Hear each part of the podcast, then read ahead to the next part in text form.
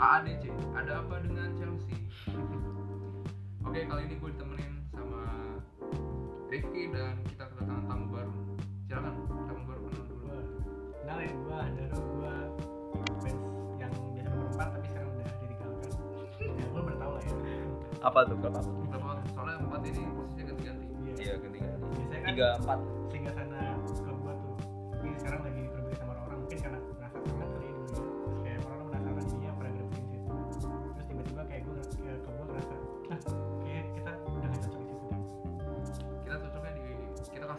kesempatan klub yang lain dulu. Udah main buat di Inggris juga istilah big four makanya udah nggak ini lagi. Lalu sih pindah kan mungkin ada big four lagi sekarang. Nggak, justru itu yang bikin Liga Inggris makin seru lah. Musim depan Big Ten kayaknya. Big Ten waduh. Lama-lama big big Tap- 17 Pak. tapi yang juara kayaknya ya itu itu aja gitu. Enggak Ya, bersaing. susah sih Liga Inggris nggak bisa kayak Liga Spanyol Liga Italia Liga tapi itu yang bikin seru sih kayak gitu. Kan jadi kayak orang gak bakal ngerasa kalau misalnya lawan yang peringkat terendah cuman peringkat tinggi tetap bisa, bisa aja yang menang yang bawah kan. Kayak kemarin aja nih kalau misalnya setengah sebelah yang harusnya kalah malah dapat penalti dua kali. Ya. fenomena Leicester tuh nggak bisa ditemuin di Liga di Liga Iya, Inggris. Lain benar. tapi ya, ini ada apa dengan Chelsea kenapa Chelsea? Nggak bisa membalas nih. pun tidak bisa. Membalas pun satu tidak bisa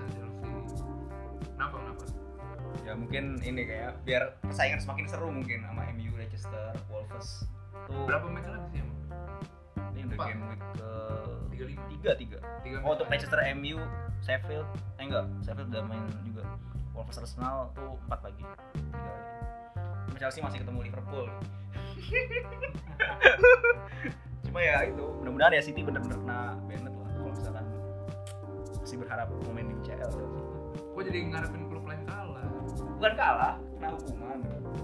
Ya gue ngeliat MU nih. Yang setelah covid nih justru makin memanas belum pernah kalah. Jadi ya ya curang dia dapat buff sih ya. dapat buff dari hero yang kena buff ya enak sih efek Bruno Fernandes sebenarnya. Tapi ya harapan selalu ada. Lah gimana nih kalau dari pandangan tamu kita kan pasti seneng gue rival ngeliat dari bawah. kalau kan kalah kalau ngeliat dari bawah ya seneng lah. Apalagi kan ngeliat dari yang menang tuh di gue jadi kayak wah gue jadi dapat kesempatan nih. Tapi setelah gue lihat kalau empat pertandingan 10 poin ya udah ya ternyata ya. Tapi Sheffield justru naik. Nah Sheffield malah jadi naik. Jadi dilema dari fans Iya. Arsenal jadi sebenarnya kalau dari kita kita ya memaksa kalian untuk karbit orang-orang internal tuh sebenarnya yang penting kita di atas. Yang ayam ayam kampus itu peringkatnya tetap gengsi lah.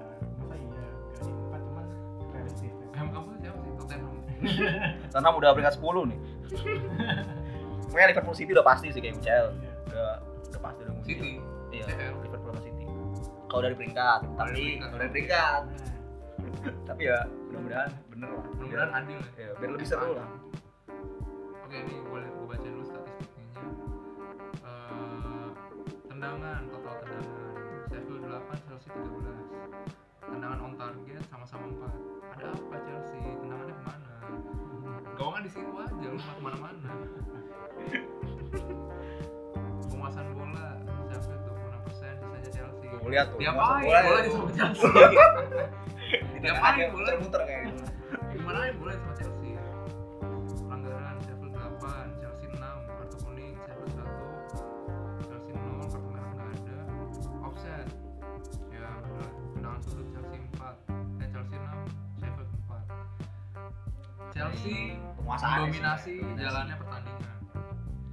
tapi ya kenapa tidak bisa membalas? Siapa sih pemainnya susunan pemainnya? Ya coba lihat dulu lah.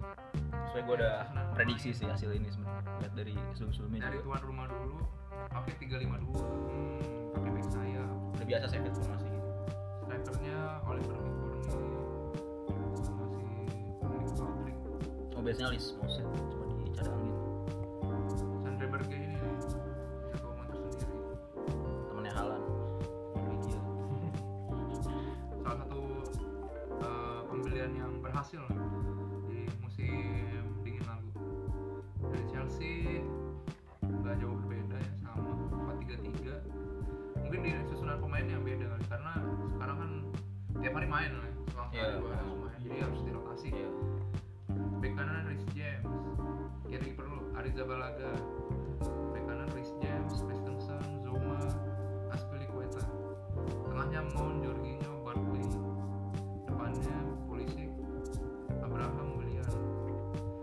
tim Chelsea. Cuma kasih lubang di kanan doang nih si Rhys James ya Riznya masih muda. Sebenarnya Aspili di sini kan dia sering gonta ganti kan. Kadang di kanan kadang di kiri. Jadi yang di rota- rotasi itu justru Aspili kotanya sebenarnya. Dia kapten harus main bisa main di berbagai posisi lah. Tapi emang awalnya dia dari kiri kan? Awalnya- Marcel itu dia dari kiri. Cuma awal-awal tuh dia kanan cadangan Ivanovic. Terus sama Mourinho pas zaman Asli Cole lagi menurun tuh di kiri. Terus begitu tengah juga pernah zaman Conte tuh di tengah dia jadi back tengah. Ya, Terus di sama- formasi tiga empat Iya, itu ya. tiga empat tiga di jadi back tengah. Cuma dari kanan mix dia kayak Tapi- hampir bisa semua posisi lah apa gara-gara Aspilicueta pindah posisi? Sebenarnya yang gue sorotin di sini lebih ke back tengahnya sih Zoma sama Christensen. Jadi ya walaupun yang blu- blunder tuh Rudiger justru yang gol terakhir tuh tapi entah kenapa di tengahnya ini justru justru masalah gitu. Bahkan gue lebih lebih suka Tomori malah cuma dia kan masih cedera Cuma Chelsea itu ada ada kalanya ketika main dengan formasi 4-3-3 itu selalu masalah dengan back. Masalah musim ini lah ya. Tapi bukan berarti berarti karena ada ditinggal David Luiz. Lah. bukan ya bukan. Ada ada apa dengan back Chelsea ini? Musim ini udah kebal 40 gol. Apa Chelsea lebih nyaman main tiga empat tiga? Ya mungkin efek Conte terus pergantian ke Sari Sari udah coba 4-3-3 juga. Lampard juga kadang sering ganti formasi juga. Cuma ketika main 4-3-3 untuk lawan tim tertentu tuh ya kadang suka error belakangnya. Atau faktor Kepa juga mungkin gitu kiper termahal ini. Cuma yang gue sorotin ya lebih ke backnya sih. Karena yang lihat dari golnya juga Kepa udah berjuang sebenarnya. Dari save-nya. Tapi emang sebenarnya kalau diperhatiin dari golnya kan crossing dua gol crossing. Sebenarnya kalau crossing bisa diantisipasi menurut gua peluang si Sheffield bisa gol itu lebih kecil. Apa gara-gara Rhys James James sama Alexander Arnold kan. Kita jauh banget lah baru dengar itu gua bisa bisa bisa dibandingin itu. Nanti tapi. Christian kan baru baru ini musim ini. Alexander Arnold udah dari dua musim sebelumnya. Soalnya lebih ke back ya ya mungkin ya faktor rotasi itu tadi. Kalau untuk masalah pertahanan emang musim ini emang lagi errornya lagi error errornya Chelsea entah dari kiper atau dari back gitu. Man of the match menurut gue walaupun kalah. Kepa Hmm, enggak. Bukan Kepa sih menurut gue ya lebih ke Pulisic sih. Dia masih bisa ngestin peluang dia kan sebenarnya di match match match sebelumnya dia selalu berkontribusi lah. Tadi match ini aja lagi atau nggak kelihatan. Tapi match ini juga bagus loh. Dia bahkan sebelum masih 0-0 kan Pulisic sempat mencetak dua gol Hmm. cuman emang lagi back shiftnya lagi bagus aja tuh. Cuman emang ya gitu ya karena gue sih malah nyorotin kan gue kan sempat nonton ya. Dia tuh ngerasa polisi itu fix banget gitu, gitu loh. Dia nggak bisa cetak ruang biar polisi itu bebas buat cetak ruang dan kan kalau lu lihat waktu Sheffield kayak gol pertamanya itu tuh dari penyerangnya tuh bisa ke mana-mana kan. Bahkan sampai si James itu bikin gol kurang versatil, Iya. kurang versatil ya. iya. Entah kenapa Pulisic justru lebih cocok sama Giroud menurut gue nah. Gue waktu lawan West Ham juga sama. Starternya Abraham. Itu kalah 3-2 Entah kenapa kalau starternya Giroud tuh ya Lebih pendek. golin aja iya lebih lebih ini ya. Walaupun kayak di yang gue bilang sebelumnya lah kayak di Prancis dia cuma dibilang striker pemantul pemantul bola tapi lebih nyetel aja gitu. Jadi kayak polisi sama ini bisa lari gitu. Giroud tuh finishing atau gundul gitu. Apa Abraham mungkin sama-sama tipe pelari? Mereka Iya, tiga-tiga iya, ya kayak mungkin ritme ininya nggak kurang masih kurang sih. Tapi ya emang semenjak semenjak selepas covid lah. Belum malah sebelum covid Abraham bagus lebih bagus dari Giroud sama faktor Kante juga sih. Kante kan nggak cedera kan nggak main juga Kante tuh biasanya ngisi posisi apa sih? dia tengah bisa atau di Barkley. Jorginho kan dulu anak anak sayangan musim lalu kan cuma musim ini masih dimainin cuma nggak nggak terlalu nggak terlalu rutin Nah, seperti efek rotasi sih menurut Iya, gue iya. Sekarang kita bahas tuan rumah. Menurut gua Sheffield tahun ini udah bisa melakukan hal yang luar biasa sih. Soalnya dia kan baru promosi juga, iya. tapi udah bisa stabil di eh, divisi tertinggi Liga Inggris itu jadi satu pencapaian yang luar gue sih. Apresiasi lebih ke pelatihnya Chris Wilder. Maksud gue dengan pemain yang bisa dibilang pemain bintangnya itu nggak nggak terlalu terkenal lah. Maksudnya ya justru terkenal itu ya justru karena di Sheffieldnya bukan karena dia beli pemain bintang yang udah terkenal gitu. Ya coba lah kayak Dean Henderson kan kiper di MU kan yang nggak pernah tapi sama Sheffield di dipoles ini bukan tim-tim yang bisa ngelontorin banyak duit ya. iya baru promosi. Dan dia, dia dominan Inggris loh yang gue salut ya. Setahu gue yang paling mahal tuh ya si Sandra Bergwijn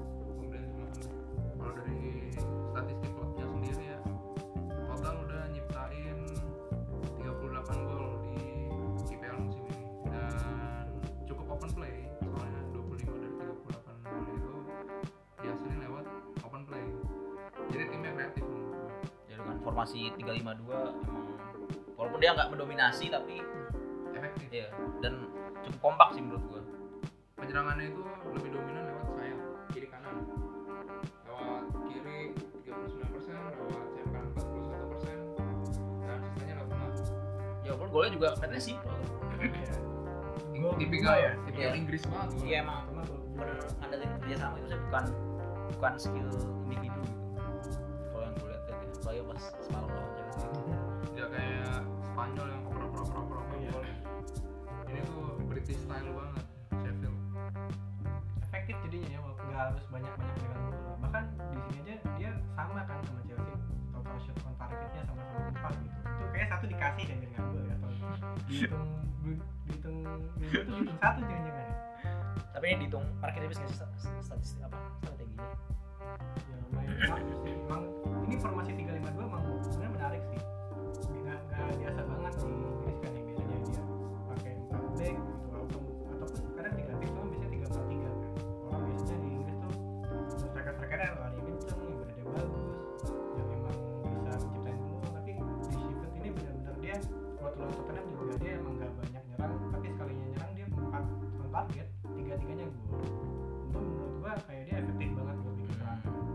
dengan satu target yang dikit tapi sukses. Benar.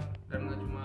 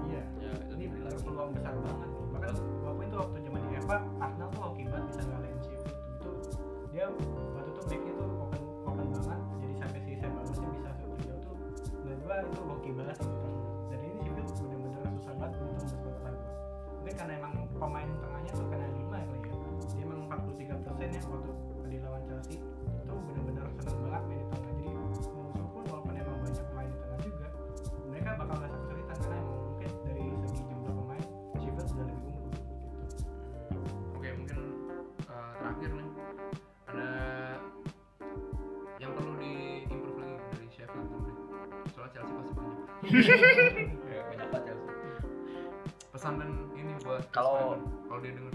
Sheffield mungkin menurut gua ini sih lebih harus bisa jaga pemainnya kan dengan pemain yang udah lumayan bagus udah solid. Gimana persiapan musim depan paling?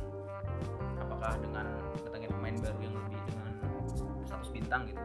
Yang penting jaga kekompakan dan bisa lebih baik aja sih. Ya sampai kayak Southampton Southampton. ya diambil ambilin gua, gua, gua suka sih tim kayak gini tim lokal dengan ngandelin main Inggris. Kan kalau mungkin dari tim gede mungkin Spurs lah yang paling banyak timnas Inggrisnya kayak dominan pemain asing. Kan dengan pelatih lokal pemain lokal banyak pemain lokalnya. Ya bener-bener tuh Inggris tuh. Masih. Mereka percaya diri tinggi sih. Ya mungkin ada di nggak oke aja ya. mereka percaya diri tinggi ketemunya MU ternyata MU udah lewat tebak gitu. Jadi mereka kalah telak kan. Cuman dibandingin lawan MU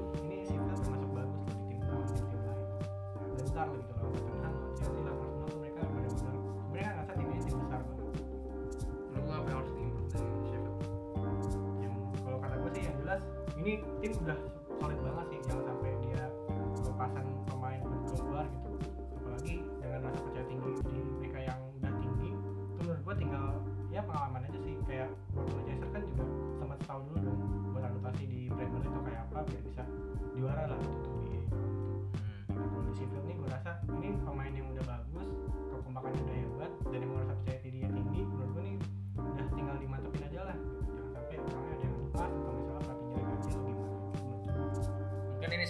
yang gue sorotin dia pinjaman kan ya statusnya iya. Nah ini apakah bisa saya mempermanen mempermanen si Dean Henderson? Karena kan kalau ke MU pun bersaingnya sama De Gea. Menurut gue sih harus tapi ada ancang-ancang juga kan De Gea udah udah banyak dikritik tuh Iya, sama sama si Roy Keane nah. kemarin. Saya ini masuk kiper dengan rating penyelamatan yang tinggi juga kan Dean Henderson di samping tim yang kompak tapi ya itu jadi satu pilihan yang menentukan sekali buat Dean Henderson sih. Hmm. Ada dua nama yang bagus gitu ada Gea ada Sergio Romero tuh dua-duanya kayaknya udah sayang banget udah kait sama dia udah mending di save sih gue. Iya. buat jalur baru sendiri buat pet lu sendiri. Nah oke. Kalau dari Chelsea sendiri nih banyak gue tau banyak. Ya Chelsea beruntungnya udah ini sih udah banyak melakukan transfer. Ya Werner Ziyech. Ziyech udah latihan ya kemarin. Iya. Jadi ya kalau emang bener-bener dua pemain baru itu bisa maksudnya bisa dengan formasi ini ya mungkin akan, lebih baik. Cuma yang gua masih belum apa yang masih gue sayangin ya kan belum datengin back kan. Terutama back kiri nih Aspili kasihan juga kan. Dia main kanan kiri atau tengah kalau misalkan back tengahnya lagi kayak ini ya harap segera datengin back kiri baru lah. ini kalau Luis mau dibalikin mau nggak diterima tuh masih terima masih terima Kalau gratis mungkin nggak apa-apa ya kayaknya. Jadi mentor tapi nggak main. Ya jadi mentor. Tapi gue bingung waktu zaman Sari itu masih starter kan? Luis tuh selalu starter. Iya, selalu starter. Malah Cahill dicadangin. iya. Sampai kayak pindah ke PL ke Crystal iya Palace sih gue curiga dia emang jeleknya di Arsenal doang. Double aja legend Double legend. lagi gitu lebih ke back sih yang gue sorotin. Sama kiper Lampard entah kenapa kan sempat ada isu kan. Ganti si kiper termahal nih. Ya mungkin efek panik buying lah. Ikutin Liverpool waktu Liverpool di Alisson Becker. Terus dia kehilangan Courtois siapa nih penggantinya? Ya udahlah ada nih kiper dari klub Atletic Bil- apa Atletic Bilbao yang isinya dominasi Spanyol semua. Dibelilah Rizabalaga dengan harga yang lebih tinggi dari Alisson.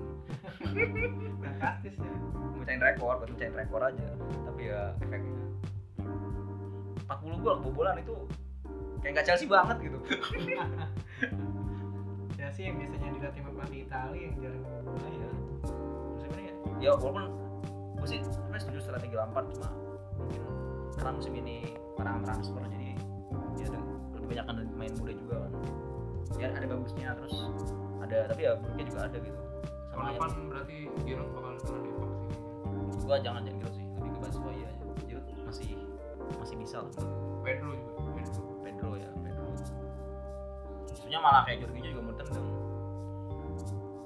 Karena udah di situ sebenarnya beda posisi sih ya back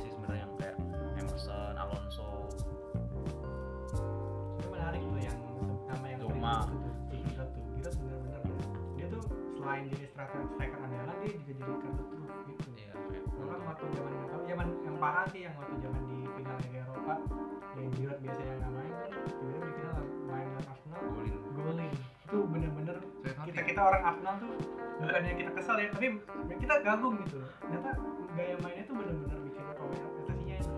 Dan pemain Arsenal jadi bingung itu gue ngerasain banget kayak kayak Saka aja tuh yang biasanya dengan yang bagus. Dia bingung lah gimana ngatasin gitu. Itu menurut dia bisa jadi alternatif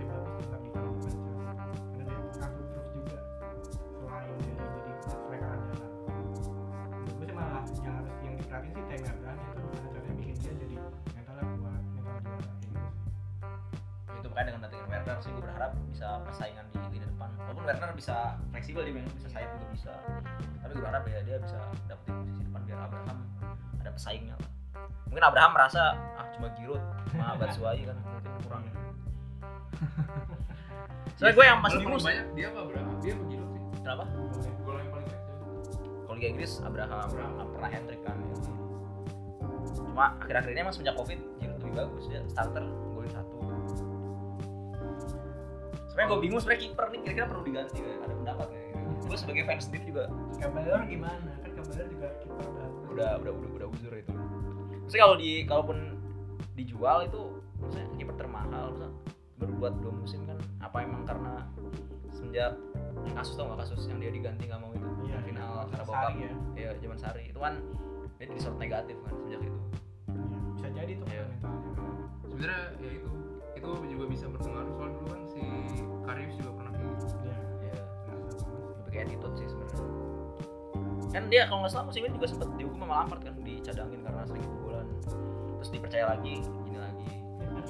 Nggak tobat-tobat gitu. Sebenarnya gara-gara kalau di ya kasusnya Liverpool ya kayak di City juga ya. Bravo juga kurang bagus apa sih dia dari Barcelona juga waktu di Pep. Oh, iya. bagus. Awal-awal Pep ya? Iya tapi saat, saat, saat itu pelatihnya Pep itu nggak percaya langsung dicari kan pelat kiper yang lebih bagus dan kalau kiper yang lebih dibeli itu lebih bagus dari Bravo kenapa enggak menurut gue kalau misalnya kayak Pak lebih jangan dijual dulu sih mungkin Lampard bisa cari kiper yang lebih bagus menurut dia ya.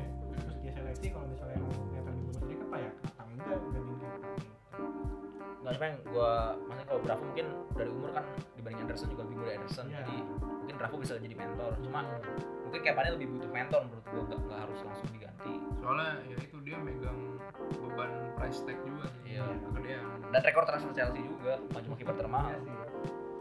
Banyak sih. Iya.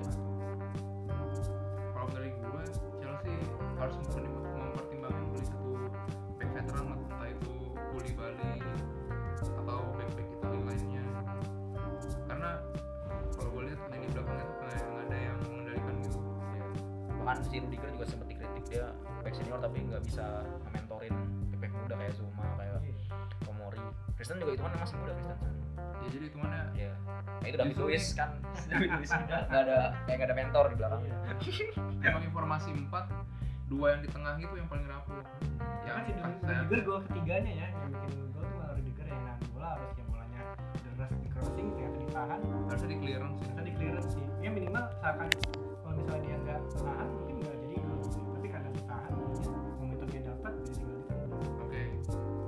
tuh Lampard ya kalau lo denger nih podcast ini nih dan Dengerin. gua saranin sih lu eh, nyewa translator bahasa Indonesia ya biar tim lu maju Tapi kayak gue liat sih optimis musim depan ya. Dengan pemain ya musim ini ya mungkin karena lagi kena kan seperti tagline nya next year will be our year itu tagline siapa itu? selalu ada harapan di musim depan Chelsea itu rata-rata udah ini juaranya lima tahun sekali lah. Dan lima tahun dia pasti sekali lah. Kalau dari ya, belakang historinya semenjak era Abramovich. kalau yang ini tiga tahun sekali Hmm? yang merah Ya, itu lagi belum dikasih Chelsea juga kan ya, musim depan seru sih ya mungkin menurut gua masih Liverpool City cuma dari tim-tim lain yang mungkin Chelsea MU lagi berusaha untuk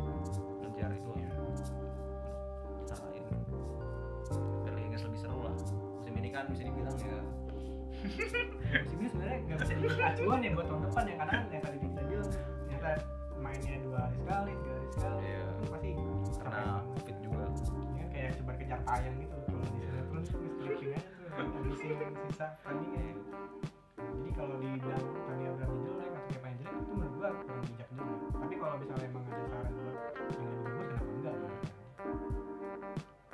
bandinginnya sama MU sih dia bisa lebih konsisten aja gitu. Semenjak covid tuh jadi seri doang sekali saja menang. Lebih ke pertahanan sih menurut gue Chelsea kalau menyerang mungkin udah lebih bagus dari musim lalu lah. Kan ini mungkin tinggalin Hazard juga. Udah udah nemu sih tinggal lebih kompak aja ke depan belakang emang masih kurang bisa gol 40 gol yang gue masih bingung sampai sekarang. Oke eh, itu aja di episode kali ini. Semoga Lampard